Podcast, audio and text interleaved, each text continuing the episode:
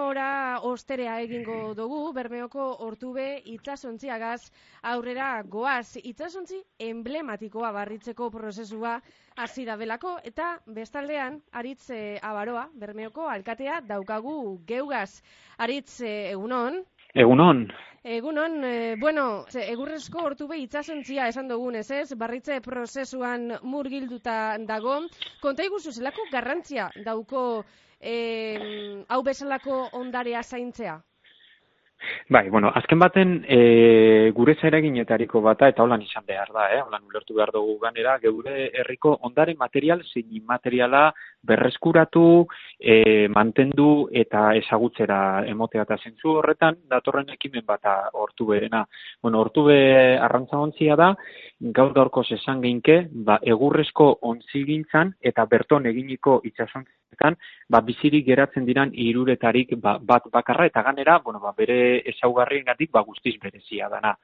E, itxasontzi hau udalak orain e, urteak e, beraganatu eban, eta egia da ba, urteetan zehar ba, hor geldik egon dala, eta horren ondorioz ba, kaltetzen joan izan dela. Ez da, bai, ondarea geure ganatu genduan, baina ba, ondare hori ba, geldik egonaren ondorioz ba, kaltetzen joan da.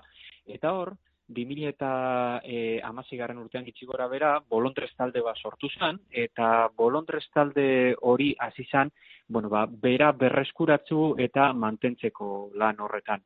Hortik dator e, egitasmo hau, eta hortubek azken baten irudikatzen dauelako, da elementu bat irudikatzen dauena, gure iragana, gure oraina, baina geure geroa ere bai. Bermeo azken baten esaten dugu atunaren munduko hiriburua dala, baina atunaren munduko hiriburua gara gure aurretikoek arlo horretan ba, ibilbide handi eta sakon bat egin ebelako. Eta hortubek, ba, ibilbide horretako garai bat eta gure herriko garapen ekonomiko eta sozialaren ba, ikur bat dalako, hori irudikatzen dau.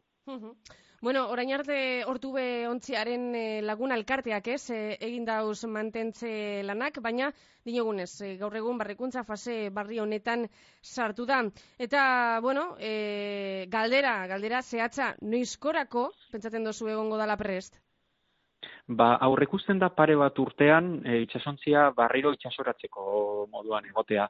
Bai hemen aipatu behar dugu e, hitzarmen honen helburuetariko bat eta Nikolan ulertzen dute ganera, bueno, hor finkatzen dira zeintzut iran ba, bere rekuperaziorako egin beharreko emon beharreko pausuak, zeintzuk izango diran horretarako jartzen diran baliabide ekonomikoak, baina honek e, hitzarmen honek zelan edo alan egiten dagoena da balioan jarri gura dau e, bolondrez talde horrek orain arte egindako lana. Hau da, hau ez da zerotik haste. Uh -huh. 2008 ona ikaragarrizko lana egin dabe, eta itzarmen honek hori balioan jartzen dago orain. Hemen egiten dana da, erakunde desberdina babestu egiten dugu hori udala horregonda, aldundiare horregonda urte askotan, baina orain egiten duguna da indarrak batu eta baliabideak zehaztu eta urratsak, hau da, e, egitasmoari baia ito batzuk e, jartzen deutzaguz, bai EPEen aldetik eta baita baliabideen e, aldetik eta bakoitzak bere esperientzia ipiniko dau alde horretan. Eta aurrikuspena hori da, ezta? Baina lehen esatera joana zena, hemen bolondrezak lan egiten dabe. Eh? Orduan, mm bueno, ba, bolondreza lan egiten dabela kontutan egita, eurek euren denporatik jartzen dabe, eta horrek, bueno, ba, zelan edo alan, eragina ukileke lanak harinago edo berandutxoago amaitzean, baina aurrekuzpena hori da. Pare bat urtean, itxasontzia uretaratzeko moduan egotea. uretaratzeko, eh, hau da, mm, nabigatzeko prest egongo da. Hori da, asmoa da itsasontzia lehen eratzea eta errekuperatzea lehen egiten eban funtzioak egiteko gaitasun guzti. Eta zau da, navegaziorako prestuntziko genduke itsasontzia. Eta noiztik dau pareuta? Ba, bueno, ba, 2000 eta erratuta espanago amaika garren urtean edo harinago e, datua buruz esaten altzu uh -huh. orain, eh? baina bai. udalak e, bere ganatu eban. Bueno, hor e, armadoreak e, jubilatu ziran eta, bueno, ba, itxasontzia e, ondoratu ordez, ba, udalak e, erosi eban, eta ordutik ona, ba, pare bat aldiz uste dut, ba, madalenetan erabili izan zala itsasontzia, baina gero ordutik aurrera ba, portuan geldi egon da.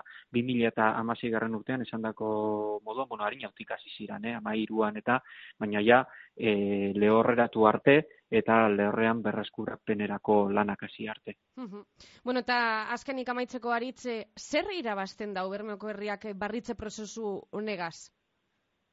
Bueno, lehen esan dut dana, ez da, gure herriaren eta gure gizartearen e, garapenaren ikurdan e, elementu bat berreskuratzea, eta arrotasunerako e, elementu bat eukitea, arrotasunik gabe, eh, baina apaltasunetik, uh ba esatea, ba, bermeok bere garapena eta gaur egun mundu mailako potentzia izatea lortu dau, besteak beste itsasontzi hau eta honen aurrekariei esker. Eta esan da moduan, hortube, ondaren materiala da, materiala delako, hor dago itsasontzia, baina hortubek, ondaren materiala, inmateriala ere, badauka.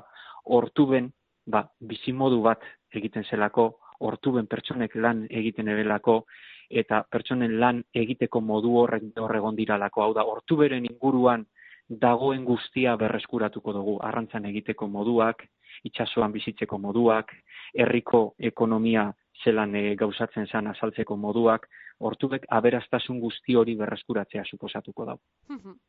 Ederto, barritz, eh, abaroa, bermeoko alkatea, eskerrik asko geugaz egotearen, eskerrik asko. Eta horrengo Ni esker zeuei. Bai, agur.